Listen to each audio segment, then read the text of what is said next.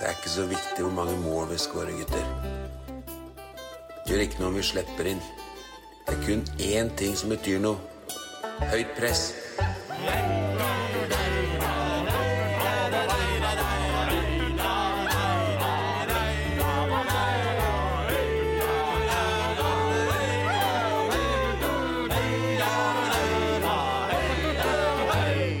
Hjertelig velkommen til eh, andre episode av podkasten Høyt press. Denne gangen eh, har eh, panelet samla seg og består av ingen ringere enn Kristoffer Arnesen. Velkommen til deg først. Melde meg. og så Ole Petter Lettmoli. Takk for det. Eh, for de av lytterne som ikke veit hvem dere er, så kan dere Jeg, skal, jeg, kan, si, jeg kan si noen ord om dere, jeg. Ja, er mer Kristoffer, ja, du er jo stor stjerne inne i hovedstaden. Bor på toppen av Drammen. Oh, you guys. Ja. Og mesker deg med kjendiser på dagtid, gjør du ikke det? Jo, jeg gjør det. Ja, I TV 2. Ja.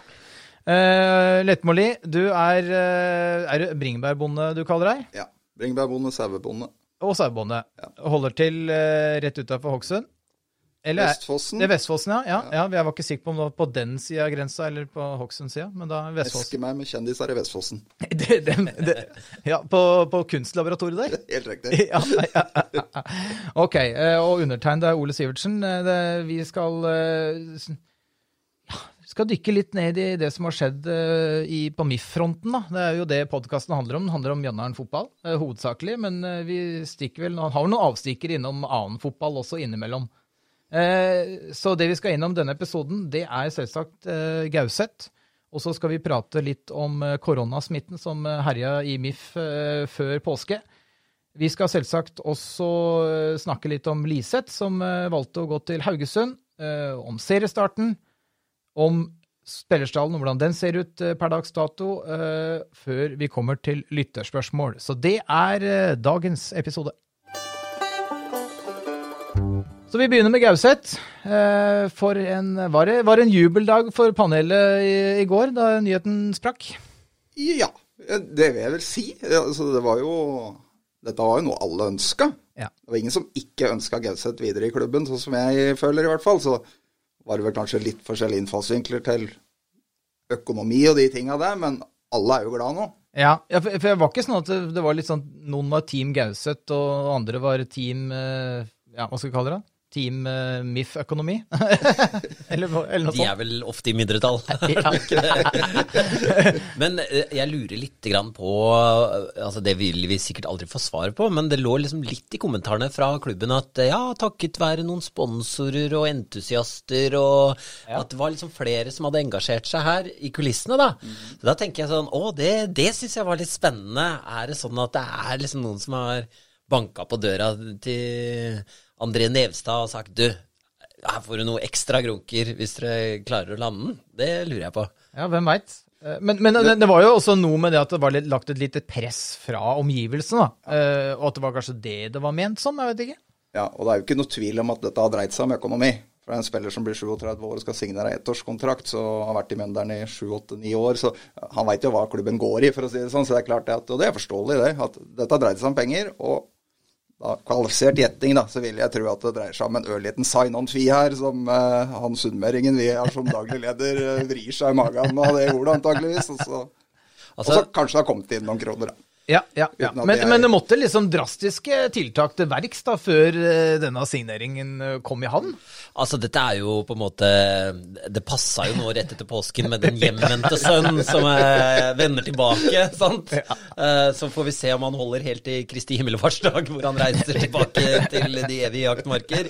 Eh, jeg jeg veit jo ærlig talt ikke om Gauseth holder en sesong, for å være helt ærlig, med den historikken han har.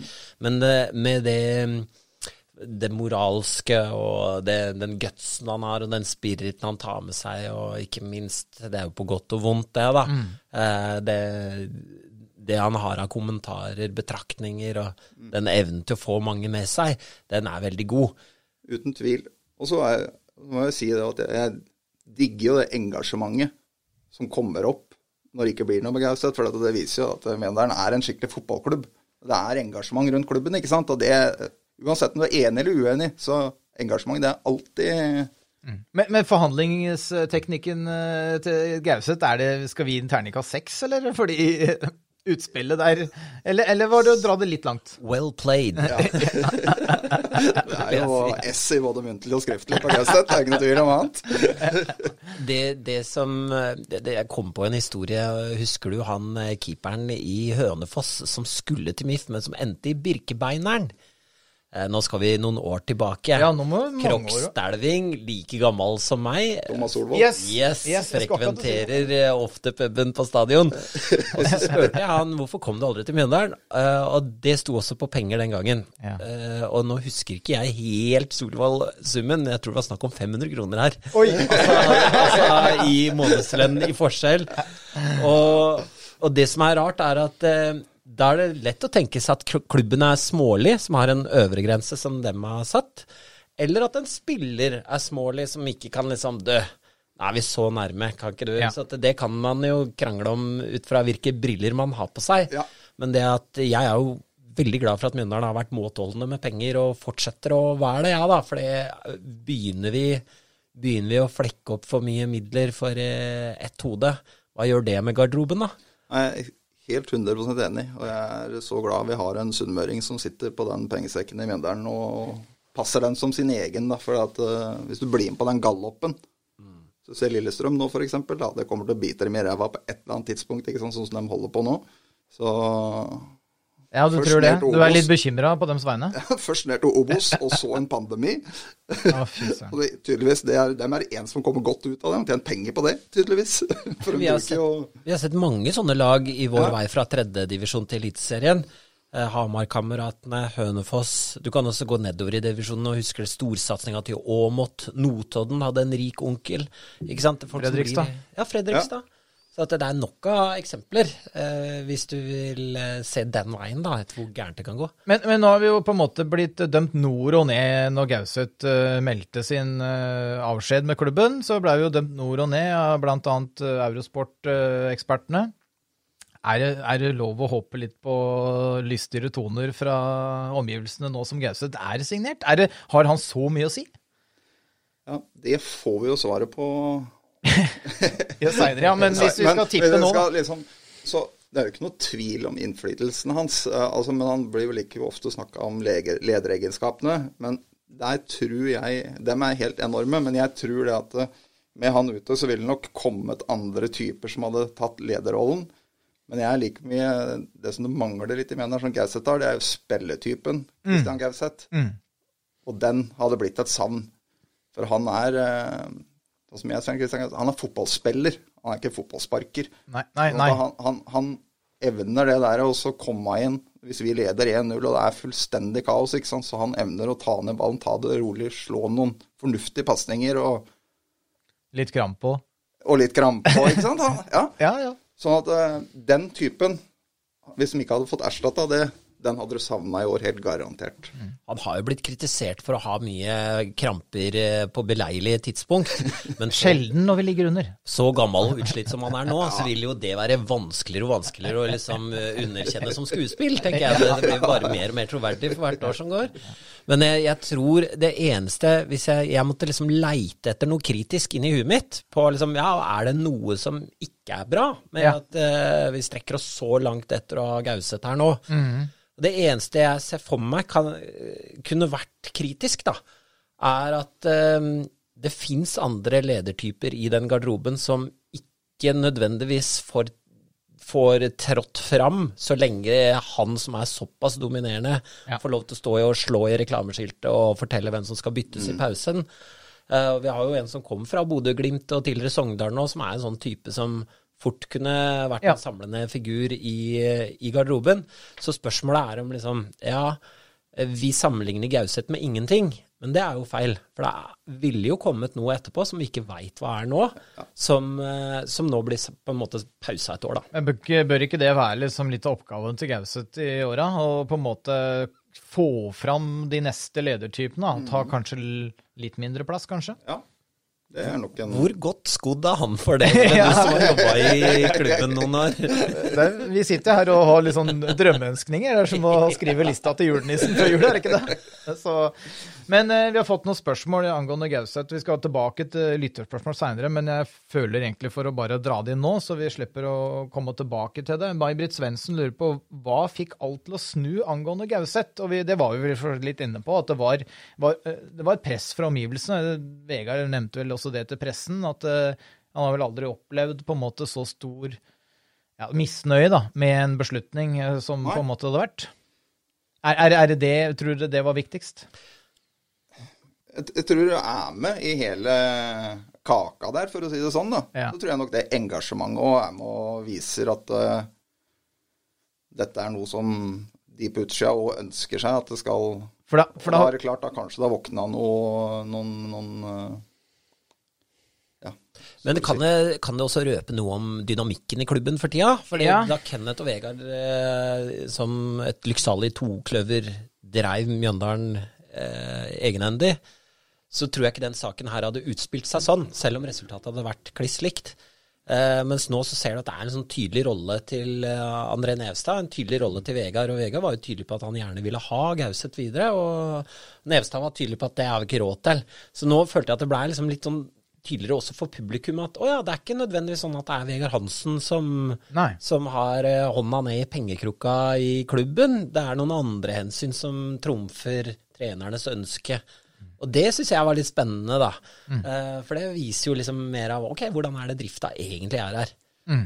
Det viser jo at Mjøndalen har blitt en større klubb de siste åra. Sånn at det er, ikke, det er ikke bare Vegard Hansen sitt Mjøndalen lenger. da, ikke sant? Det er, det er mye mer definerte roller i klubben, og det har blitt en større klubb med flere ansatte. og Ja, og så er det kanskje den tida hvor uh, Vegard og ledelsen da, på en måte har fått lov til å stelle og styre med sitt uten store kritiske røster, da. Den er kanskje litt forbi. At jeg ser en skifte der med at eh, flere som bryr seg, flere som har en mening, og det presset blir litt mer massivt enn før. Ja. Det blir ikke en flau bris som bare går over, men faktisk folk krever en del handling på visse punkter, da. Du ser jo det på andre fotballklubber. ikke sant? Så Den, den tida hvor liksom treneren er sjefen i fotballklubben, den er helt forbi. ikke sant? Den avdøde litt med Nils Arne Eggen og sånn. ikke sant? Så nå er det, det er et helt annet styresett i en fotballklubb i dag enn det det var for 20 år siden. Det er det ikke tvil om. Vi eh, setter strek der for nå. Det kan godt hende vi prater mer om Gauseth seinere, men eh, vi skal videre til neste punkt på lista. Korona gikk gjennom 2020 nesten uten noe tilfelle. Vi hadde ikke tilfeller i Mjøndalen i hele tatt, så vi var jo kjempeheldige. Eh, Men så smalt det, og det smalt skikkelig nå for noen uker tilbake. Og vi har vel lest litt om Åsmundsen som har vært dårlig, blant annet. Han sto i fram. Hva, hva tenker panelet om eh, at Mjøndalen har liksom måttet ri den eh, maren der nå, så tett opp mot seriestart? Er det Tenker vi at det kommer til å plage oss nå når vi skal i gang med serien? Jeg, jeg kan jo altfor lite om det, men jeg, det eneste som liksom har bekymra meg litt, det er jo det at du hører jo om unge folk også som får ettervirkninger av dette. Og så har det jo blitt veldig stille rundt i Mjøndalen. Synes jeg det har ikke blitt snakka noe om etter liksom at uh, utbruddet kom og sånn, så har det ikke blitt prata noe mer om. Så jeg syns det har vært moro å visst liksom hvordan Ja. ståa er med guttene som Er har vært igjennom dette. Er det noen, er de helt friske og fine, eller ja, merker dem noe? Det skulle vært Jeg vet ikke hvem det er engang. Nei, Nei, det er en snodig ting. Og det er ikke sånn, hvis først et, helt, nesten et helt lag skulle fått det, så er det ikke sånn utypisk at det er Mjøndalen. For alt som er utypisk, er gjerne ofte akkurat den klubben, da. Ja. Men eh, det jeg er spent på, er hvor eh, Som du er inne på, hvor eh, lang tid tar det fra du får korona til du kan trene hardt? Mm. Eh, Det er veldig individuelt, sier de som har fått det. Noen har jo fått en mild eh, Har ikke merka det omtrent. Nei. Og andre, som du eh, har hørt om, ligger nede for telling dritlenge og sliter med lungekapasitet og sånn. Det er klart, akkurat hvis det er liksom mer alvorlige tilfeller her, så har vi jo store problemer. Ja, for det var jo ganske mange da, som det var ramma. ti stykker, da. Jo. Og da, ja. Det er liksom, Hvis tre, fire, fem stykker har seinskader av dette her, så begynner det å drøyne litt på stallen. da. Hvis vi skal leite etter oppsida, og det skal du alltid Ja, for det må vi gjøre. gjøre. Det må vi gjøre. Det skal du alltid gjøre. Eh, Så er det det at eh, korona kommer til hvert fall vare til over ferien. Det er mange som blir vaksinert innen ferien, men det betyr at vi har eh, halvannen måned med spill, eller kanskje én måned med eliteseriespill, hvor koronaen herjer i Norge. da er alle våre spillere per def koronafrie Ja. og, og, og kan gå uten munnbind og trene hardt, mens andre klubber kan risikere å få akkurat samme opplevelse som Mjøndalen, bare i mai. Eh, og det er jo egentlig litt sånn tankevekkende å tenke på. Så du mener at alle burde bare tatt den eh, koronaen ja. sånn rett etter Sogndal-kampen? Så bare I, retrospekt, ja. Ja. Burde, burde man jo Ja, og så bare blitt ferdig med det. Ja, som en hestekur. Nei, men jeg mener jo det at det kan faktisk være en oppside for Mjøndalen at vi har eh, ti friske spillere, hvis de da er friske og klare, da, vel å merke. Ja. Ja. Så han må jo bare håpe at dette har gått bra for alle sammen, liksom. At de ikke nå plutselig sitter med en fire-fem stykker som sliter med å trene. For Ja. da, da kryss... har jeg mener et problem. Ja, vi gjør det. Vi krysser fingra for at det ikke blir noe, noe som rir oss eh, gjennom sesongen. Men kan, du- kan du si noe om hva, hva som skjer i et fotballag, Ole, når eh, alle trener hver for seg en måneds tid før eh, seriestart? Har det skjedd noen gang at vi har liksom vært i no- noen som minner om det her? Altså, Jeg går jo ut ifra at de får lov til å trene sammen snart. Så, men at de, si de får en tre-fire uker maks, da. For nå, nå virker det som de skal uh, tvinge, seg, tvinge på den seriestarten 8. mai. Nå er Erna har siste et ord med i spillet der, men, uh, men det er jo neppe veldig heldig at du ikke får mange nok fellestreninger. Det å fly rundt og jogge i skauen og løfte vekter på egen hånd hjemme i stua, det er jo ikke akkurat noe optimal løsning. Og jeg, jeg syns på en måte du så det litt på seriestarten i fjor da, med at laga satt, det satt dårlig for veldig mange av laga, og så ble det litt mer av de laga som du visste var gode, og de kom litt utover. Eh, For da hadde de fått litt flere kamper i beina. Ja, nei, det er jo ikke noe tvil om at dette er ikke optimalt i det hele tatt. Men jeg, men jeg tror ikke nødvendigvis det er noe negativt for Mjøndalen sin del, for jeg tror det er andre klubber som kanskje taper mer på det, da, som har et høyere toppnivå enn Mjøndalen. Du- Åpenbart. Ja, ja. Og så du kan, vi kan utjevne litt av de forskjellene ved at uh, ikke alle lag har fått trent like godt sammen. Da. For ingen av laga, ja, unntak av Bodø-Glimt, har jo egentlig fått noe særlig god oppladning fram til nå. Nei, det har de jo ikke. Men det er jo brorparten av laget har jo fått tross alt trent, da, mens Ja. Viken-laga får jo ikke Det er jo så skeivt som det kan få blitt. Ja, ja, ja, ja, ja. Dette, Ja. Det gjorde seg gjeldende i fjor, i hvert fall, at eh, starten på vår sesong var ganske god. Eh, det har vi glemt nå. Nei, men var det? Den var det. Så har vi alle glemt ja, vi sleit fælt.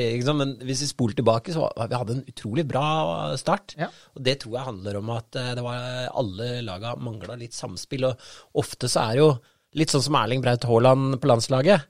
Du kan være så god du bare vil, men hvis ikke samspillet sitter, hvis ikke innlegga kommer, så hjelper jo ikke Nei, det. nei, nei. Uh, og det tror jeg vi scora litt på, egentlig, Ja, ja. i starten her. At vi, vi var litt uh, Ja, toppnivået hos de beste laga var ikke helt på plass. Nei, nei. Vi, vi satser på at eh, det ikke at Mjøndalen nyter godt av utfordringene, at det kan komme over til fordel. Og så setter vi strek ved der og går videre til neste punkt. Sondre Liseth, en uh, spiller vi alle har blitt glad i, Uh, har uh, pakka sekken, reist til Haugesund. Eh, hva, hva, tenker vi, hva tenker vi om den overgangen, Kristoffer? Ble du lei deg når eh, den kom? Ja, eh, det blei jeg jo. Eh, For vi hadde jo, hvis jeg ikke husker feil, så hadde vi nettopp henta en klassespiss. Ja. Og så tenkte vi ja, nå får vi de to på topp, nå begynner det å ligne et eller annet. Og så faen, der forsvant Liseth, ja. Men hvis vi tenker oss enda nøyere om, så sa jo klubben det over jul at eh, vi skal prøve å bli en eh, selgende klubb. Eh, en klubb som også selger fotballspillere, for å få inn de siste millionene på toppen av det budsjettet som ikke kan vokse noe særlig mer. Eh, og det var jo nesten imponerende at de klarte det da, i løpet av så kort tid. Så dette må vi kanskje bli vant til, tenker jeg. Og det er, det er et problem vi ønsker å ha i Mjøndalen, at veldig gode fotballsparkere forsvinner videre oppover og utover. Ja, og det er jo, vi har jo solgt en spiss nå da for en rekordhøy sum i MIF-målstokk. Og nå har jo for så vidt ikke den MIF-målstokken vært alt å skryte av, men, men, men allikevel så er jo det noe å ta med seg. Men vi vil jo beholde alle de spillerne hvis de er gode òg, da. Du vil jo gjerne det, men eh, jeg, jeg tror heller ikke det var noen vei utenom, da. Nei. Det er noe med det, og at Ja. du kunne beholdt Lisa et år til, og så kunne du gitt den bort gratis, da. Ja. Så nå så de det at du har muligheten, og så har du fått inn Benjamin Stokke. Eh, regner med det at de tenker òg det at Stokke passer bedre inn i en 4-3-3, i og med at det er vel bestemt nå at det skal spilles 4-3-3. Liseth er vel ikke noe helt sånn har han heller ikke blitt satt foran mål i Mjøndalen så mye. Han har blitt lagt mest ut på kanten. Ja. Og han er jo ikke noe typisk kant heller. Nei, og det har han gitt uttrykk for sjøl, at han har ikke vært noe fornøyd med det. Nei. Det var han jo ute i Drammens Tidende og sa. Mm. At han ville inn som spiss hvis det Ja. Og da tror jeg nok eh, Haugesund kan være en god match for Liseth. Det tror jeg faktisk. En litt sånn dyp uh, spissrolle i 4-4-2, er det ikke det han blir eh, brukt som der, tror du? Og jo, helt sikkert. Og Mm. Haugesund har jo hatt som tradisjon fått fram ganske mye bra spiss der, da. Mm. Så Dessverre. ja, dessverre. Eller bra for oss, vi har jo fått Ibra som en ja, Ja. bytte der, da. Og så er det vel litt sånn at eh, skal Mjøndalen klare å rekruttere fotballspillere som er dritgode til en ganske moderat lønn, eh, i en klubb som kanskje ikke er den som er sikra eliteseriespill hvert eneste år, så må det være attraktivt, for du ser at ja, det er mulig å bruke den klubben vår som et springbrett i en videre karriere.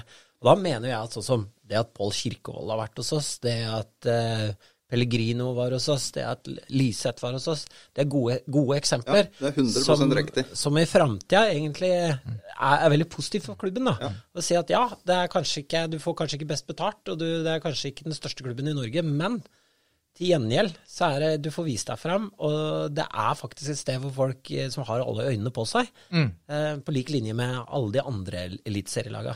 For det tror jeg Liseth òg er klar over. at det er nok ikke så mange, Det var derfor han gikk til Mjøndalen i sin tid òg. For han har tross alt blitt satsa på i Mjøndalen og fått enormt med matcher. Ja, jeg, han må ha spilt korta sine riktig, Ja, i og med at han har fått så mye spilletid som han har gjort. og Tenker jeg, på slutten i sesongen i fjor så var han jo god. Han var det. Hvor mange Jeg tror det var Mats Hansen hadde rekorden på rundt 700 000 kroner eller noe sånt, når han gikk til Fredrikstad. Kan det stemme? Ja, det tror jeg Han stemmer. Han litt av den overgangen sjøl. Ja. han betalte litt av den sjøl. For det er jo vanlig Mjøndalen at du må betale en del sjøl. Det er sånn i mo- gjeld. motsatt sign-on-fee. Du han skylder klubben penger fortsatt, da. Men eh, hvor mye gikk Liseth for, veit vi det? Nei, eh, det blir spekulert at eh, det ligger et sted mellom halvannen og to millioner, så hvem veit. Det er i hvert fall de summene som har blitt nevnt eh, av ek de ekspertene som kan, kan seg på dette med priser og sånn, da. Og det, det er i så fall eh, en vel, en vel dobling da, av det som var rekorden fra før. Så Og det er mange penger. for, Det er mye eh, penger. Mjøndalen. Selvfølgelig er det det, og du må jo begynne et eller annet sted. Mm. Så Ja, og så er det som nevnt da, det med posisjonen til Liseth, nå skal jeg nevne det igjen, men, men jeg, jeg klarer heller ikke å se hvor er det vi, vi skulle fått utbytte av Liseth fullt ut i årets sesong. Nå var det på en måte spikra, hamra og bestemt at vi skal ut i 4-3-3, og vi trenger mye mer utprega kantspillere i de, de rollene, den rollen som Liseth har på venstrekanten primært. da. Han spilte den riktignok litt spiss på slutten. Eh, Og vi trenger en mye mer reindyrka spiss som har mer mål i seg, eh, sorry Liseth, eh, enn det han klarte å vise i Mjøndalen. Og så kan det godt hende hadde løsnet for han i Haugesund, men i Mjøndalen så viste det i hvert fall at det, det, kom, det kom ikke nok, og ofte nok mål. det er jeg ikke tvil om. Det, det ser jo, når, Hvis du ser litt på tallene til Mjøndalen i fjor, da, så gikk vi jo radikalt ned på å omsette innlegg til Ja. på Ja. mål. Å få det på mål, eller få det på ut, avslutning i det hele tatt. da, Ja. Går, ligger helt i bånn. Mens innlegg inn til boks, der er jo ikke så gærne, vet du. Der Nei. kommer vi ganske godt ut, ikke sant. Så det er vel det som kanskje er litt av tanken med å få inn Benjamin Stokke. Å få en til å kunne omsette noe av alle disse innleggene. Ja. De Der var jo- nok der i fjor, ikke sant. Der var jo Olivier Ocean. Eh, eh, hadde Ja. en helt ekstrem statistikk på, eh, på hvor mange innlegg han faktisk fikk tak i.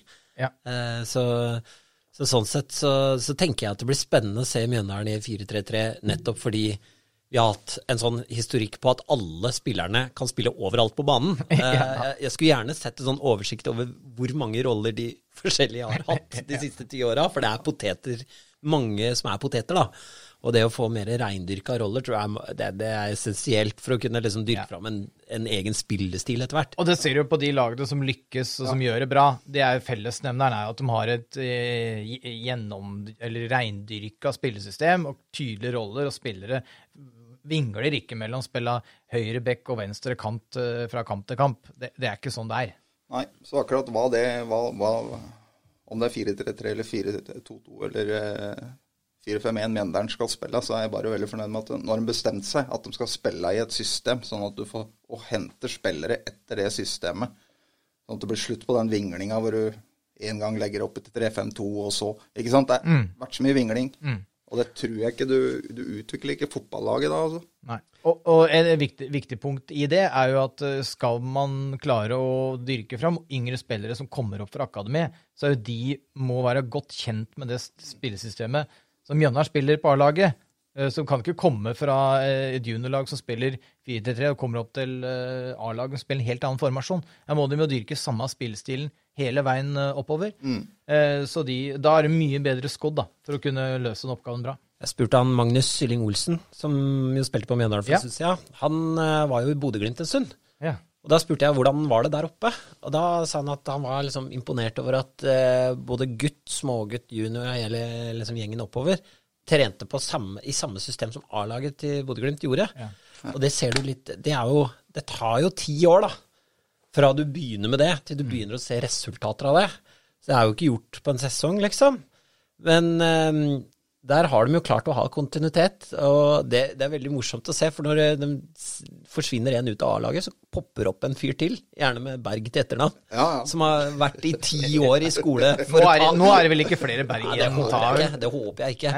Ja, de, de, popper opp liksom nye talenter som er klar for å ta akkurat den backrollen eller akkurat den vingrollen som, som, som de har drilla seg sjæl på. Eh, sånn at eh, systemet trumfer talentet, og ikke omvendt, som det kanskje har vært hos oss. da, At ja, ok, nå fikk vi inn en spiller som er sånn og sånn. Hvordan kan vi legge en formasjon som gjør at vi får fullt utbytte av vedkommende, fram til vedkommende er borte igjen? Det ser jo på de spillerne Bodø-Glimt har henta òg, ikke sant.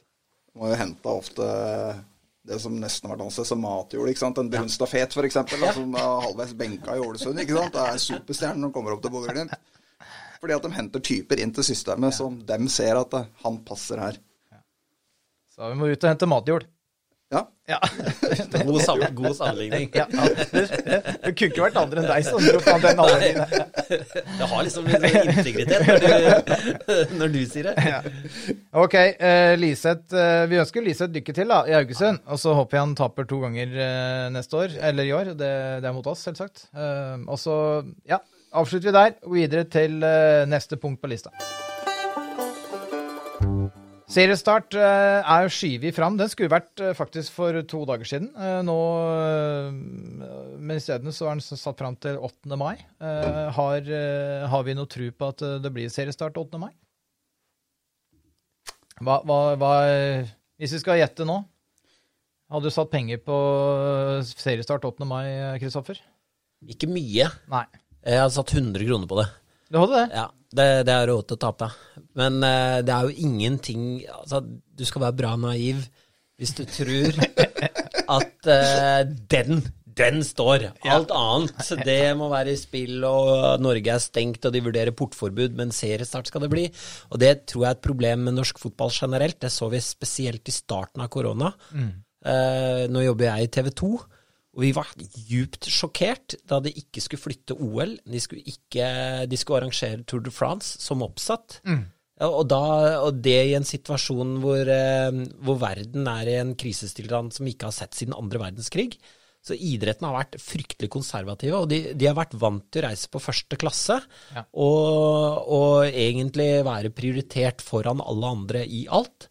Så jeg tror det var helt nytt for mange i toppledelsen i mange idrettsgrener at nei, til og med dere må forholde dere til at det er et virus som ikke ser forskjell på folk, som smitter hele veien. Eh, og det største sjokket kommer kanskje når Martin Ødegaard fikk påvist korona, og så viser det seg å være en feil test. Mm. Men da skjønte man jo plutselig at å ja, det, det her er alvor. Mm. Uh, så at de som liksom er veldig opptatt av at den seriestarten må foregå akkurat da, de, uh, de må ta seg fire boller. Ja. Men, men, altså, er ikke alle andre det er som du sier, alle andre ligaer har jo spilt fotball mens landet har vært liksom herja med korona. Men i Norge så stenger vi jo ned på lik linje med alt annet. Mm. Er, det, er det riktig vurdering? Sosialdemokrati i Norge, det, vet du. Ja, Men det er ikke det Norge i et nøtteskall, da? Ja. Ja. Er Norge langt framme, eller er vi langt, langt, bak? Ja, det er jo spørsmålet, da. Ja. Uh, og jeg tenker at hvis uh, idretten ikke skal stå for noe mer enn bare akkurat uh, vi gjør det vi gjør, og driter i alt annet, så ja. syns jeg det er uh, rart at de skal ta samfunnsansvar. Men hvis de skal være mot rasisme, hvis de skal være mot, eller for menneskerettigheter i andre land, hvis de skal være forbilder utover at de kan springe fort eller slå hardt på noe eller noe sånt, så må de også tenke at ja, det jeg gjør, har en innvirkning på de som har meg som eh, sitt største idol her i livet. Mm. Og da er det jo litt spesielt, da, at sånn som når det norske landslaget går med disse T-skjortene, så var det vel var det um, forbundet da som hadde hatt opp til diskusjon om hvorvidt de skulle få en uh, slags, eh, ikke straff, men en på, påpakning, eller om sånn, men så hadde de sagt at nei, vi åpner for at de skal få lov til å ha meninger. Wow, raust. Det står bare ja, on and off the pitch, liksom. Det, når, når, det må opp, så skal vi åpne for at det er greit. Det, det, sier alt om fotballen, tenker jeg. Det sier alt. Da trenger du ikke vite mer. Når de har tatt en runde på det. Er det, er det greit med menneskerettigheter? Hva sier dere rundt bordet? Er det greit at vi følger koronareglene? Hva tenker dere? Men så er det jo liksom, Fotball er en næring, da, og, og folk, og tre, folk, må jo få lov til å gjøre jobben sin. Det får jo andre næringer lov til å gjøre. Det er jo ikke snakk om å importere folk over grensa her for å kunne utføre Nei. det. Det er liksom Og så har du det elementet med at uh, dette er uh, jo underholdning, da. Og i en litt kjip tid, da, så har jo fotballen kanskje vært med på oss og kanskje kan gjøre det litt lystigere til tider, da. For om ja. du ikke så ofte får reise på stadion, så kan du i hvert fall sitte hjemme og se det på TV-en og og har bevist gjennom fjoråret at uh, gikk han klarte å forholde seg til regler og, og, og kjøre en ganske sånn streng linje internt og hindre at uh, dette gjorde det verre for, uh, for, samfunnet generelt. da. Jeg tror liksom, som det la vi merke til i TV 2, da, siden jeg jobber der, er at behovet for nyheter gikk jo kraftig opp ja. under korona, men også behov for underholdning. Ja. Mm. Det hjelper jo med portforbud, selvfølgelig, at det ikke er noe annet å gjøre. Men det siste du stenger i Norge, er vel Eller det nest siste er fotballen, og det aller siste er Vinmonopolet. Det, når ja, de to går helt ned, da, da, er det virkelig ille, folkens. Da, da er det alvor.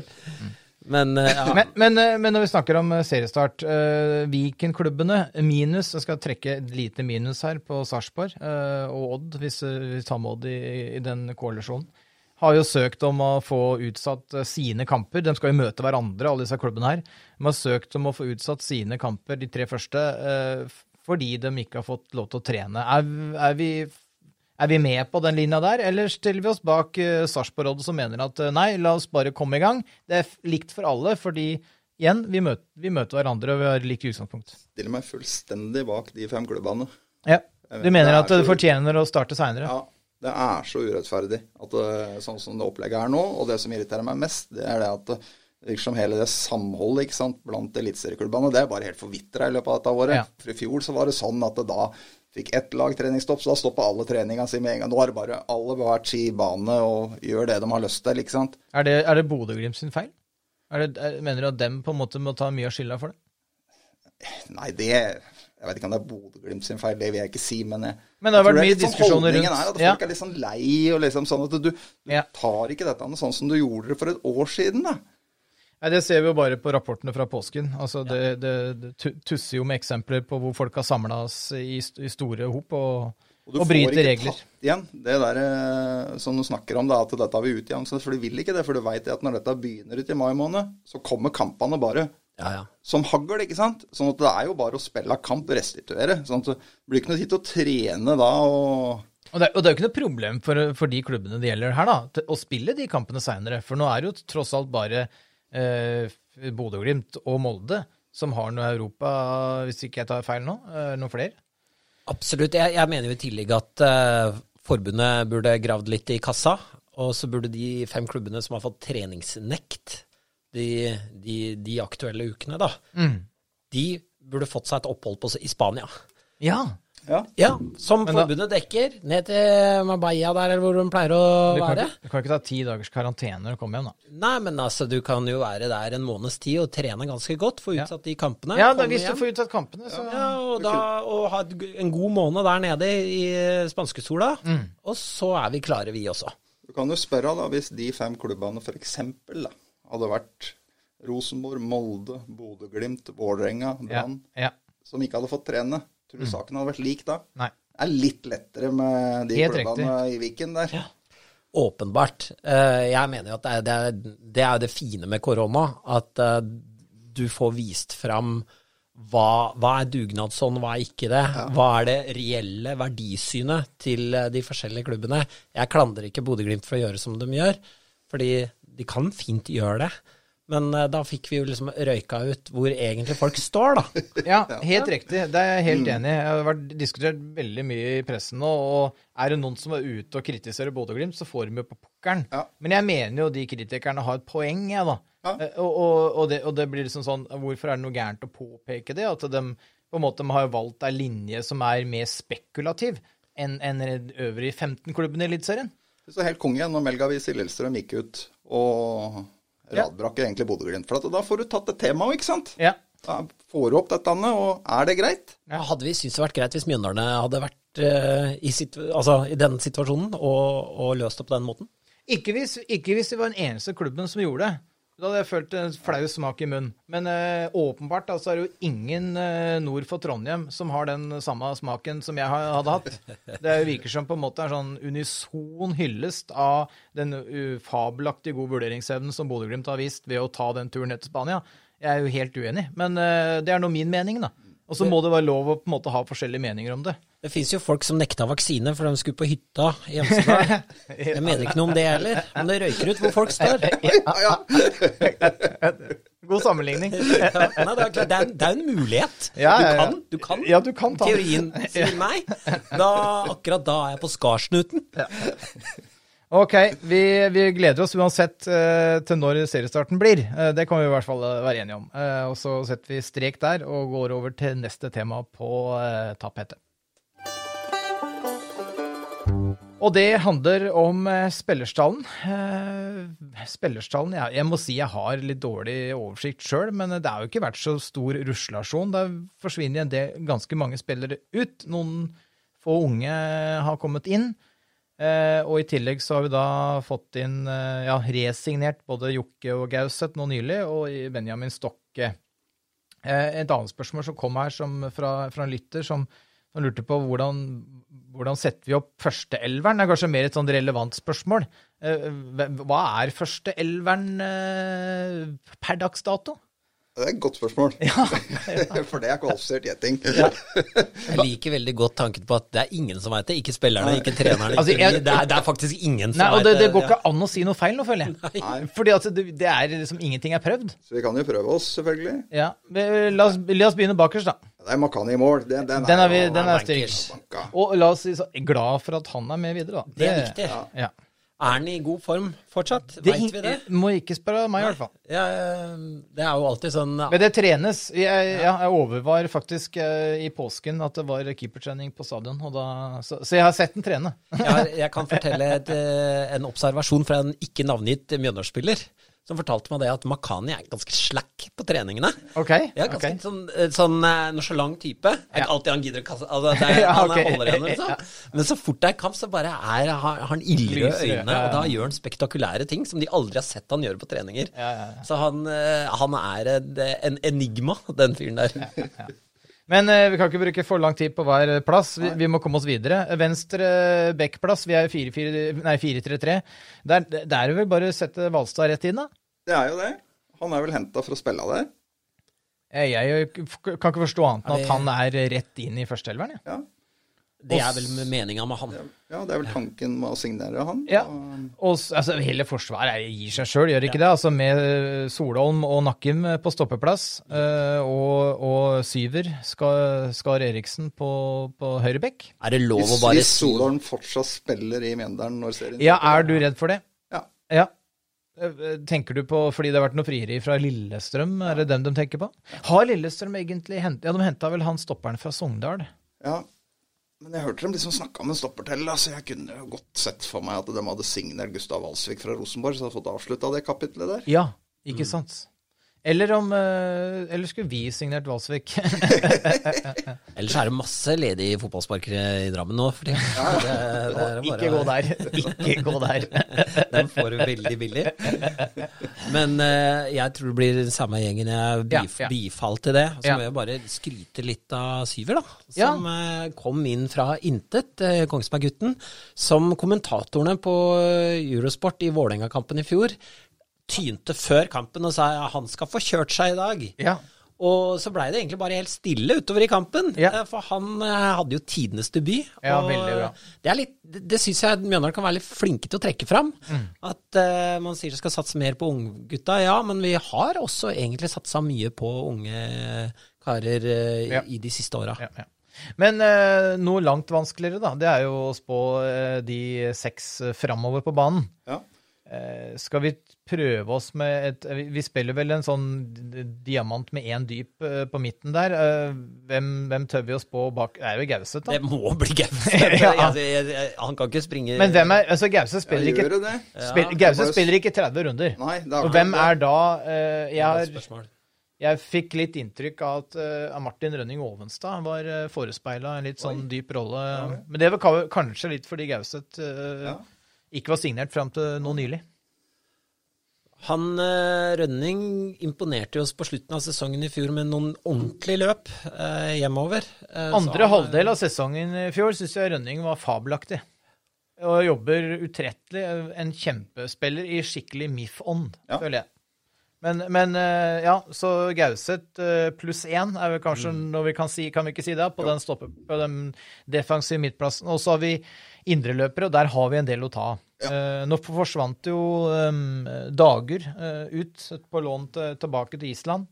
Uh, synd, uh, egentlig, for han er spiller vi på en måte har hatt litt trua på. Og forhåpninger til. De åpna litt for at han kanskje kommer tilbake igjen en gang også. Det var liksom Ja, ikke helt det, jeg har skjønt at det går litt på at han eh, med korona og alt, og ikke kunne reise og besøke, få besøk, så, så blir det stusslig eh, på en måte, og ikke se noe til familie og kjæreste og litt sånn, så, så jeg tror det har vært en god løsning for eh, alle parter. Men, mm. men uansett, Dager er ikke med i, i kortstokken her nå.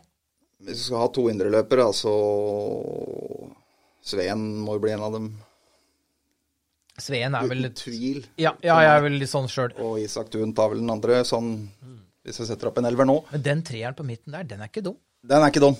Den er og ikke det. midtbanen er jo kanskje der Det er vel den posisjonen hvor vi faktisk eh, er veldig bra skodd. Ja. Og, og vi har noen som banker litt på døra der òg. han Ja. eh, Stavås Skistad. Uh, er vel en indreløper uh, som og, og Sveen er vel heller ikke en spiller vi kan forvente 30 runder av.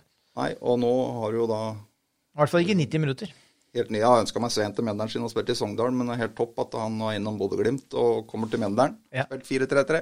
Da får du endelig en indreløper som tar de løpa inn i boks. Ja. Målfarlig. Ja.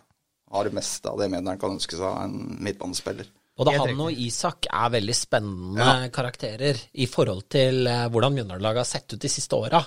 De er jo i stand til å gjøre ting som, eh, som går litt utapå, har jeg en sånn følelse av. Det er to vellykka signeringer som ble gjort i fjor, ikke sant. Det er jo ikke tvil om. Helt klart. Uh, og så har vi kommet opp uh, Det blir ikke noe lettere nå, gutter, for nå skal vi helt til den angrepsrekka. Uh, hvem er det vi er, Vi er vel litt Vi putter vel stokket inn i front, gjør vi ikke det? jo. Jo. vi. Hvem? Lett. Det, alt annet ville vært overraskende hvis vi putter han på kant nå. Da blir jeg fryktelig skuffa. Da, da gir jeg opp. Da, da går jeg hjem. Men, hvem er det vi, hvem er det vi eh, matcher han opp med på, på topp der? Vi, er vi litt i manko på sånn tydelige kantspillere? Ja. Jeg mener vi er det. Hvis det er det Vegard ønsker seg, da, de tydelige kantene, da. Ja. Det- For det går jo an å spille 4-3 på en annen måte enn det vi kanskje har sett fra ja, Ja. andre. Jeg er veldig glad i Gjerne sett Gjerne ønska meg en sånn en kant til Mjøndalen som trylla litt. Ikke at han burde kunne starte hver eneste kamp, men at du har de der som kan komme inn og, og snu litt på kampbildet. Og det føler jeg ikke akkurat at vi har av kantspillere nå, da. Jeg var djevelens advokat et par kamper før uh, slutt i fjor, og telte hvor mange ganger er vi går til dørlinja og legger inn. Altså, sorry, men Nei. Det, det, nei, men det, er, det er- det, er- et vellykka grep i fotballen. Det kan du bruke av og til, ikke alltid. Men hvis du aldri gjør det, alltid skal skjære inn ved 16-meteren og rusle rundt der, eh, så blir det veldig lesbart. Så noen som har den farta og, og det, det innlegget, det er vel kanskje det som vi burde hatt øverst på ønskelista vår. Ja. Blir 2021 året Brustad virkelig øh, slår til? Det kan bli det. Ja, men det er, fordi vi, vi, vi, har alle, vi, har alle, sett Vi alle veit liksom toppnivået.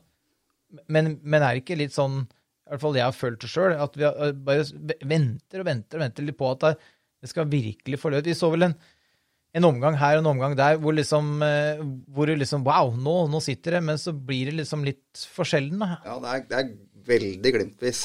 Det må være lov å si. Uten at jeg skal hogge brystet helt, men uh... Nei.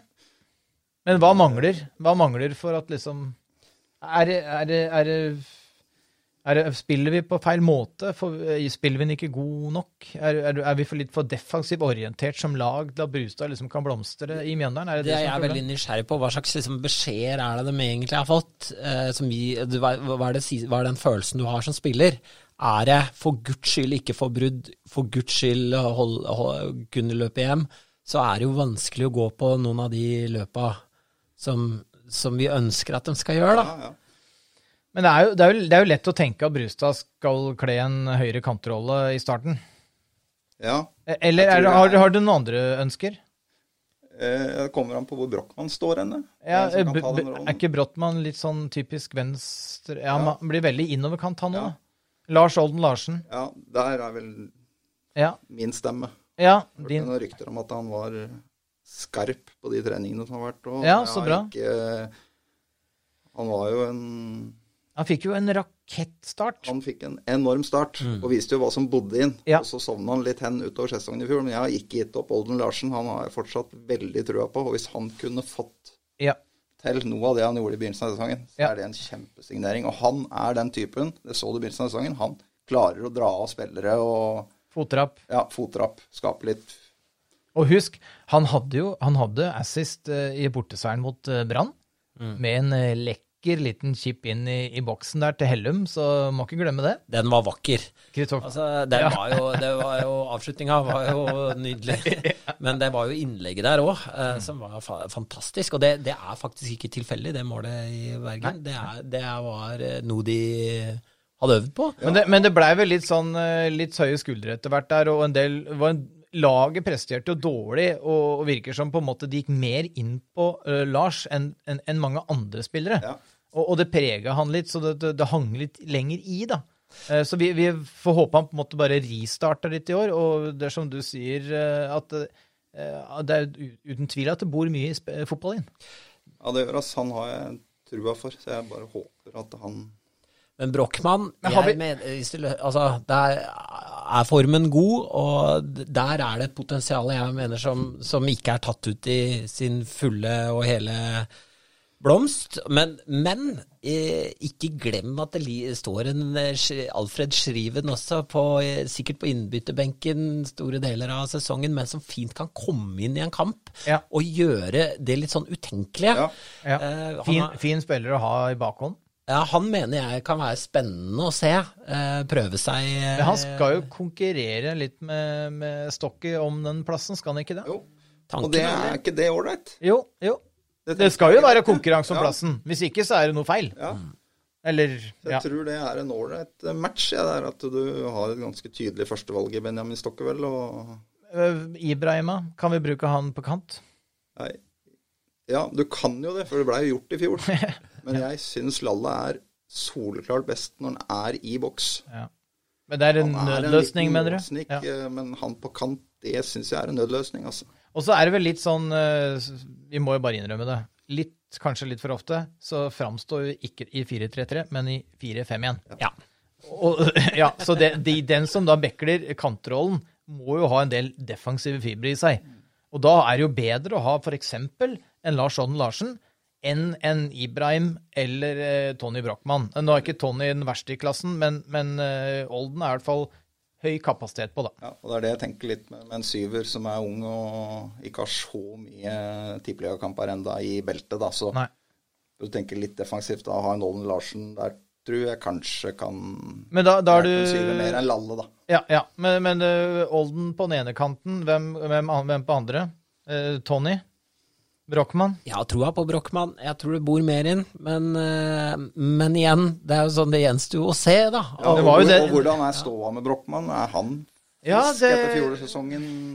Han hadde jo tidenes merkeligste år. Ja, Det, det var jo bare Det gikk jo minutter fra karrieren var over, til han plutselig var frisk og kunne gå ut på treningsfeltet. Det var jo helt eh, ja, spesiell opplevelse. Jeg tror det er én av to. For det, det der gjør noe med deg. Hvis jeg gir deg en beskjed til deg om at du, du skal kanskje dø når som helst, så for guds skyld ikke tren hardt. Og så sier jeg det, oi, sorry, det er bare trene på, kamerat. Så har, Ja. da har jeg enten sådd et frø i deg som gjør at du, du, du gjør noe med, med hele psyken din når du skal ta ut 110% men det kan også føre til det motsatte. At du har fått livet i gave, og at du kan gønne på som faen. Så at eh, jeg er veldig spent på liksom, ja. hvilket utfall det året han har hatt, eh, hva, hva slags utfall det har for han i året som kommer. Bra. Vi, vi, vi, vi kommer garantert til å prate mer om eh, spillerstall og hvilket lag som var rett og galt eh, når vi kommer til eh, Har du lyst til å skyte inn noe før vi Nei, jeg bare tenker at jeg har jo da mye bra på benken der. Og Ja. sitter, med en, sitter jo med en Åsmundsen på benken, blant Ja. annet, ikke sant? som er helt klart inn der som en indreløpermulighet. Og Men ikke som defensiv midt. Det kan Nei. vi være enige om etter fjoråret, at det fungerte ikke. det fungerer ikke. Veldig god på huet foran boks. Ja. Spesielt når vi møter noen mørkeblå fra litt lenger ned i kommunen. Luftens baron. Og så en Jokke som helt sikkert har lyst til å Yes. gjøre noe med den øh, fjorårssesongen sin, Ja. tror jeg. Og det, det, det kan jo hende når vi kommer litt ut i sesongen, så ser jo den elveren vi har sittet og forespeilet oss nå, helt eh, annerledes ut. Og, Høyst sannsynlig. Sannsynlig. Det som er helt sikkert, er at uansett hvilken elver de kommer til å stille med, så kommer vi til å ha en haug med innsigelser tanker, Ja. på hvordan dette kunne sett litt bedre ut. Men jeg, jeg, regner- altså jeg regner samtidig med at Vegard sitter og hører på, så han, han noterer flittig nå når vi sitter og tar ut den elveren her. Han rister mye på huet. Ok, vet du, vi, eh, vi må runde av der, og så gå videre til uh, lytterspørsmål. Første spørsmål eh, ut eh, kommer fra en anonym lytter, men jeg lurer egentlig litt på om vi kan reflektere litt over eh, hva vi syns om tribunekulturen i Mjøndalen. eh, om, eh, om, om vi er enig i på en måte fansens valg og bruk av tromme for å skape litt stemning.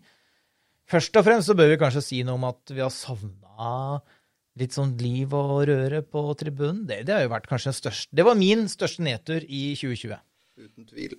Jeg lurer på om disse som har leiligheter på stadion, Ja. kunne forplikta seg til å ta en to-tre supportere på besøk med én meter eller to meter, eller hva som gjelder, eh, per kamp, hvis det fortsatt er eh, restriksjoner. For den supportergjengen der er uten sidestykke i både Ultras Dala og 3050. Eh, og den eneste liksom, gjengen på tribunen jeg kunne ønska meg mer av, er de 50 pluss. Som eh, fortsatt er av den generasjonen hvor det er stille når det liksom går bra, og så klapp etter den blåser av. Den var litt mer å gå på. Men eh, vi har kanskje Norges, eh, en av Norges beste supporterkulturer sett i forhold til hvor mange vi er. Ja. Og det har vokst sammen med klubben. Mm. Når du tenker på hva dette var for bare noen få år siden, og nå når du har fått den nye tribunen nå, så tror jeg det kommer til å bli så kanonliv. Ja. Fått det lave taket og Tenk at vi ikke har fått oppleve en fullsatt ja. Konsto Arena uh, i, i sånn ny, ny forstand, da. Det, det er jo den, ti, den dagen, når den dagen kommer, det kommer til å glede meg veldig. Så vil jeg bare oppfordrer alle som hører på podkasten til å gå inn på nettbutikken til supporterbutikken vår, som Ja. har masse De har nye draktene, men også noen kule joggebukser du kan få kjøpt, som er jævlig fete. Men den butikken, den er helt rå. Tenk, altså, når jeg, når jeg er jo på Mjøndalen, så fikk du enten kjøpt en vimpel, eller så fikk jeg mora mi til å strikke eh, et Mjøndalsskjerf til meg. Eh, mens eh, den er faktisk helt rå. Så nei, jeg har bare Men tromme, gutter. Jeg, ja, altså, jeg husker vi. Ranheim-fansen hadde en sånn forferdelig tromme som de dro rundt med, og sang ra, ra, ra, ra, ra, Ranheim. Nei, det var han uh, spikeren som sang den. ja, det var det vel. men, men uansett, det er bruken av tromma òg, da, som er litt sånn vesentlig, jeg føler jeg. Ikke sant, Tromme, det er helt jævlig, sånn som du sier, når det er to supportere og ei tromme. ikke sant? Ja. Her hvor du har ganske massivt med supportere. Yes. Det er ikke den tromma så hakkande gæren, den, altså. Nei, nei. Nei, jeg, jeg, jeg, jeg, jeg, er noe, ikke noe sterke meninger om Trond. Jeg syns alt som skaper liv og røre, er jeg positiv til. Eh, Men ikke trompet. Der kommer jeg til å sette ned foten. Jeg, jeg orker ikke noe trompet. Ikke For da er, det, da er det snart korps, ikke sant? Ja. Nei, men eh, på bortekamper hvor man er litt få, eh, så mener jeg at tromme kan hjelpe til. Men eh, sånn som når vi fylte hele langsida på Marienlyst der ja, det var eh, deilig. det, Har dere sett det klippet på YouTube? Det gjør jeg av og til når det er en dårlig dag. Altså, det er så deilig. Eh, og sang ut eh, Godsunionen. Det var altså eh, Vet du hva, det, det er det flotteste synet jeg har sett. Der, og der trengs det ingenting, tenker jeg. Der, der er det Når vi er mange nok, så er det bare De, de minuttene etter kampslutt der, når dommeren blåser av, den, den følelsen Oi, oi, oi. Det er, det er ikke så mye som kan måle seg med det, altså. Nei, det er ingenting. Nei, nei, nei du, du fant ikke ikke, kom ikke på noe? Nei, det, da eide vi Morgenlyst. Det å eie den stadion, Ja, det, det var, var helt Det var fantastisk. Så, ja, men det som kan være litt forvirrende for helt utenforstående, er at vi har to supporterkulturer i, i den, en så liten klubb. Ja. Eksempel når de hang opp bannerne for Gauseth nå. Ja. Eh, Og det var jo Ultra Starda som Ja. hadde tatt regien på den. som sjelden uttaler seg i pressen. De Aldri. Er jo, Aldri. Det er liksom dem også. Kjell, Be Kjell Bekkelund har vært oftere i pressen enn dem, liksom. Så det, det er helt utrolig.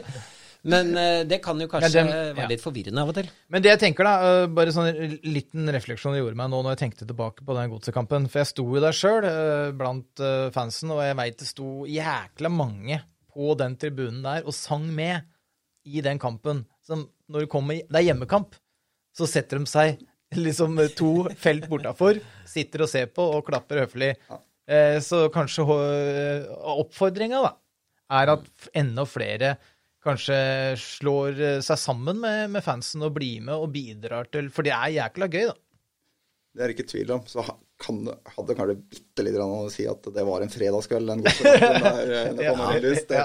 Men går det an å men- spørre om eh, den tribunepuben vi hadde? Ja. Det var Jeg tok med noen gjester både fra NRK var med, Ja. og noen fra andre klubber og sånn, og de var, var helt over seg over at det gikk an å liksom stå under tribunen og ta én eller to ås, og så gå opp der. Ja, Eh, Er det noe som man kan fortsette med i framtida, eller ja det kommer an på korona, det vel. Så det Ja, for det er fortsatt lov å nyte alkohol på Ja, stadioner ja da, og og sånn. det, de har jo lempa på de regla etter at uh, Altså, Mjøndalen har jo hatt uh, tribunepub lang tid, mm. men, men de regla er smidigere nå enn det var, så det er ingenting som er i veien for det, men det kommer jo an på da covid-forskriften, er det ikke det de kaller det? Mm. Så vi får håpe at det, det blir bra. Vi går videre til neste lytterspørsmål. Eh, Lars Lorentz Ludvigsen uh, lurer på at vi må snakke om Gauseth-gate. Det har vi gjort. Sjekk. Uh, men han lurer også på Ellers kan man jo snakke om de nye draktene. Ja. Uh, jeg melder meg bare herved ut, så nå skal dere to få lov til å melde hva dere vil eh, om hva dere syns. Nå kan dere radbrekke de nye draktene for eh, Reinsfeldt. Jeg, jeg, du må, altså, kona mi sier du må aldri uttale deg mot det, Chris. Altså, det er hun som kjøper alt jeg står og går i. Og jeg hadde jo en periode hvor jeg ikke hadde noen kvinne i mitt liv, og det synes veldig på, meg, da. For jeg, jeg har ikke noe forhold til sånt. Jeg tror- du er, i, du er i flertallet her nå blant det mannlige Jeg må si jeg syns den var fin. Jeg syns fjorårets var fin. Syns det var gøy at man vurderte å bruke den der stripete bortedrakta et alternativ i år. Den, tredjedrakta fra 2019. Ja, for den, den kjøpte jeg. Den er utrolig kul. Jeg veit ikke hvorfor, men den er et eller annet sånn skikkelig barskt med, med den. da. Så skjønte jeg at det brøyt litt med retningslinjer og sånn. Men eh, nei, det, den var fin. Er det én ting jeg virkelig ønsker meg til supporterbutikken, Ja. Så er det at man kan trykt opp retrodrakter med den røde Spareland-logoen. Fordi jeg har et par av dem, men de er helt utslitt. Men det med sånn krage, det er sånn ordentlig 80-tallsdrakt, For det var så mye farver. Det er så stygt. Eh, Du vil ikke ha den, den Sanussi-drakta? Altså, Jo, den gule! Så du har fått tredd på deg det der gode gamle sixpence. du- ja, ja, ja, ja, ja. Nei, men den hadde jeg faktisk kjøpt hvis det hadde vært mulig. Spareland, ja. Men den så veldig tøff ut. De har jo rydda litt opp i fargene. Eh, Det, før så har det jo vært en eh, gul Sparebanken-logo, Ja. blant annet. Nå er det jo hvitt og Negative logoer, som det heter. Altså hvite logoer. Ja. Ja, og det blir litt mer stilreint, og kanskje vi ser litt tøffere ut, da. Mm. Lettmali. Ja, nei, jeg Ikke så sterk- meg på ikke noe rett og sterke meninger Nei, rundt Nei, sterke, trakter. Bare Nei. er sånn, ja, at fin er like fin, og den bare er fin. Ja. Og så blir det vel litt sånn, dere er vel i den kategorien hvor alt som kommer og handler om Mjøndalen, det er jo fint. ja, Så det er veldig enkelt. Bare de ikke prøver på noe sånt som skilandslaget av og til har gjort, hvor du lurer på hvor er Norge nå? For alle har sånne idiot-fancy drakter med Ja. masse spraglete dritt på seg. Jeg vil, jeg vil bare skjønne hvem som eh, Der er Mjøndalen-spiller. ja. Og den brune drakta er så stilig i seg sjøl. Ja. Og der er vi liksom helt aleine om den drakta. Det er, eh, det er en gave at vi har en farve som ingen andre har. Ja, det er det. Eh, neste spørsmål. Jan Erik Skretteberg lurer, eh, har et litt sånn en, en, en tøff nøtt her. Eh, jeg tar den. Eh, ingen husker gubbe lenger. Makkeren har hatt bursdag, og Gauseth gjenoppsto som Lasarus. Men hvem er den største i MIF gjennom tidene? Hvem skal på sokkel utenfor porten på Konsto? På tide å få fasiten, sier Jan Erik Skrøtteberg. Den, den er tøff. Den Hva er tøff, sier ja. eh, Bringebærbonden, eller hva du kalte det for? Nei, altså, da blir det jo Hvis jeg skal ha noen på sokkel, så, så må det nesten bli en fra min egen tid. Ja. For jeg har ikke noen forutsetninger for å mene så mye om Nei. de som var før meg. Nei. Og da eh, er det for meg Per Terje Markussen som framstår som den store Mm. Mjøndalen-spilleren som jeg vokste opp med, liksom. Det, jeg har- slo meg nå at én spiller og en, en figur da, i MIF-miljøet som har betydd utrolig mye, som, som eh, ja, som definitivt kunne hatt en, en plass der, det er Boje Skistad. ja, Absolutt. Eh, både som spiller og trener, og med utallige verv i klubben eh, i etterkant, eh, kunne fortjent eh, en sånn plass. Jeg har fire kandidater umiddelbart. Hvis vi går på meritter, Det blir, så det blir er det mange statuer. Hvis vi går på meritter, så er det Gubbe, som jo var på landslaget. og Det er litt altså, vanskelig å konkurrere mot den. Den er vanskelig å ta. Hvis du går på uh, nyere tid, så er det Per Terje, åpenbart, som vi alle husker og kjenner, og som og fortsatt er den som har hatt øh, aller flest øh, kamper for klubben. ja. Og ja, det er liksom uh, opplest og vedtatt. Men så har jeg to wildcards som Ja. jeg gjerne vil trekke opp på bordet. Det ene er at eh, det ville vært litt kult hvis Mjøndalen hadde satt opp en statue av Sayosar Ja. som den første farga spilleren som blei henta fra utlandet og droppa inn i Norge. Eh, og det var egentlig starten på Ja. det sirkuset vi ser i dag. På godt og vondt. Og hans historie er også en sånn historie som er ganske gripende når du ser hvordan han blei behandla de første åra av eh, supporterkulturer rundt omkring i landet som eh, Det er, ikke, det er ikke så mange pene historier der. Det er ikke mange pene historier, og det er en ganske sår historie. Han eh, takla jo det forbilledlig, men det betyr ikke at det var greit, det han ble utsatt for. Og Nei. hvis du får lov til å trekke opp buksebeinet hans på puben oppe på vippen der, så kan du fortsatt se merker av skruknotter overalt. For han blei jo grisetakla fordi han var så god. Ja, ja. Så han mener jeg det ville vært litt sånn kult å så på en måte synliggjort den delen av norsk fotballs historie. Men hvis vi skal safe, så går vi for Bruno. Bruno, ja. Som jo er alle disse i én og mer til. Ja, ja, ja, ja. Ok, men, Per Terje, ikke noe dårlig valg. eh, ser jo også fin. Eh, Kan vi fått en sånn eh, Kanskje vi kan få tre stykker da, i, i, i, fin omfavnelse der, med Boje, eh, Makkeren og, og Seo? Kunne det vært noe? Det hadde vært fett. Som, for, som Eller også bare på en måte én fotballspiller som andre klubber. Kan vi ikke bare ta den Risestaden, da? Så er det, har vi staten. Vil jo ikke ha han i Ålesund engang, så vi kan ta han, vi. Den er. Setter vi på en rød nese. Ok. Nei, men uh, den fasiten, uh, Skretteberg, den er eh, vanskelig å gi. Eh, vi er såpass ydmyke uh, gjeng at vi tør ikke å liksom spikre den inn. Men, eh, men gitt, for, gitt et forslag, da. Tre spillere i et Kan du ta med Ja, Gubbo, da, så er de fire. Sayosar syns jeg var eh, var- knakende bra forslag. Old Trafford har jo en sånn gjeng. Eh, Ja, det litt men, sånn men ikke sant, altså, å samhold Ja, og og fellesskap, lagånd. ja. Så, så, så de fire spillerne, Ja. det hadde vært eh, Det hadde sett for meg vært tøft. Da hadde du sett liksom litt av historien. Det hadde vært Mm. eh, utrolig kult. Har vi ikke en sånn derre Hva heter det for noe? Sånn skulp, skulptør eller en kunstner som kunne tatt på seg oppdraget sånn pro bono. for Du, det oppe, der hvor du Jo, holder jo, til på jo. Du kjenner vel noen ut av kunstverk oppå der. Jo, vi skummen, vi! Viskummer, ja! Han tar jobben. Jeg er litt redd for hva resultatet blir. hvis det nei, er det hadde vært fett, da. En som Barack Obama og en som Trump, og du får liksom de sjuke greiene. Og jeg dau han i et sånt glass. Ja, malt med en død hånd med noe daue mus inni eh, glassmonster. Nei. Ok. Eh, Det, det leder oss til eh, siste punkt på, på agendaen. Vi skal til episodens pressmiddel.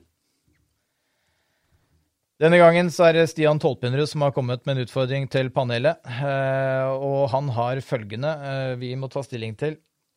Med te Nei, vi begynner på nytt. Metallica med Gauseth på vokal eller Guns N' Roses med Jokke på vokal? Kjør debatt. Kristoffer, du som er uh... Jeg har hørt Gauseth synge. uh, det blir ikke han. Men jeg har heller ikke hørt Jokke synge. Men jeg ser for meg at han er såpass sjenert og stille at det blir ikke like plagsomt. Han er, vel, han er langt unna Axel Rose i framtoning, antageligvis, på scenen. Han har navnet, i hvert fall. Ja, det har han jo. Eh, Ja, hvis vi ja. Men tenker han tidlig Axel Rose eller sein Axel Rose? Eh, det, det har også noe i dette å si. Nei, jeg ser for meg Gunnison på, på, på den beste tida. Vi må hente liksom fra Men, eh, men hva, hva er det, det Hva slags musikk er dere heller mot, da? For det er jo litt sånn stilforskjell her. Jeg veit jo f.eks. at Stian Topperud, som har sendt inn spørsmålet, er ekstremt glad i Gunnison. Han er foretrekker det framfor alt annet, ja, hvis jeg ikke husker feil. jeg godt på han. Ja, enig. ja, det er helt enig. Så da blir det Gunsen med, med Jokke på vokal for deg. eh. Ja, det gjør det, Nå altså. kommer faktisk Guns Roses til Norge også, for de som, eh, som er opptatt av dem. Jeg, jeg, hvis jeg må velge mellom de to banda, så velger jeg Guns Roses. Ja, du gjør det. Men, eh, men hvis jeg må velge mellom Gauseth og Jokke på vokal, da, da er jeg verre det, det, det, det er slitsomt å se Gauseth eie den scenen i filmen. Altså, det er veldig mye, dere. Han kommer ikke han kommer, altså, Det kommer til å være fryktelig slitsomt for oss. Så jeg, jeg går for Jokke, altså. Ja. Jeg, jeg, jeg, ville valgt, jeg ville valgt Metallica foran Guns N' Roses, tror jeg. Men, men samtidig så har du et veldig godt eh, poeng der. Eh, med, ja, ja, du hadde spist en konsert med Jokke der. Eh, Han hadde, han hadde vært å leve med. Ja, hadde Hadde følt ikke med bandet hadde jo havna helt i skyggen, ikke sant? Ja, og så er det noe med Det hadde vært så mye pyro, og er det noe liv her? Ja, og- veldig mye, jeg, jeg ser for meg det er veldig mye mellom låtene Ja, ja. Og så ikke minst den, når, når Gauseth skal dra 'Nothing Else Matters', hvor han sitter aleine midt i publikum med en spotlight og kassegitaren og, og skal liksom prate oss inn i låta. Å, fy fader, ass. Det, jeg får helt vemmelse. Jokke hadde nok Da kunne vi hatt Slash og vi hadde liksom andre ting å følge med på. Jokke vinner den. Ja. Jokke vinner den. Gratulerer, Jokke. Da må Ja. bare begynne å øve. Den, den konserten blir jo morsom å oppleve òg, da. Forus Rabban i Stavanger. Jeg har jo kontakter eh, i det miljøet som arrangerer den Gunsten-konserten, så hvis Jokke ønsker å kjøre en liten oppvarmingsact før Gunsten entrer, så kan vi helt sikkert se om det er mulig. Ja, men jeg har, et annet forslag, og det er jo at uh, onkelen til Jokke han eh, driver jo uh, en pub i Mjøndalen uh, med en scene, og kjenner sikkert en del trubadurer som kan noen Gunsten-låter. Så her bør vi egentlig starte i det litt små, og få Jokke opp på, på Når puben åpner igjen, Jokke på scenen, og så får vi noen trubadurer til å kjøre noen Gunsten-låter, så får vi høre åssen det er. Men jeg kan fortelle, når vi lagde Alle gutta, TV-serien, Ja. eh, så fortalte jeg Jokke at eh, du veit det jo ikke at du er jo en av de som vi sikkert kommer til å fokusere litt mer på. Og da fikk han helt spader. Ja. Han bare Ja, men det er jo ikke jeg. Ikke jeg. faen hadde tenkt at det var Mats og Ja. Gauseth og de mest utadvendte.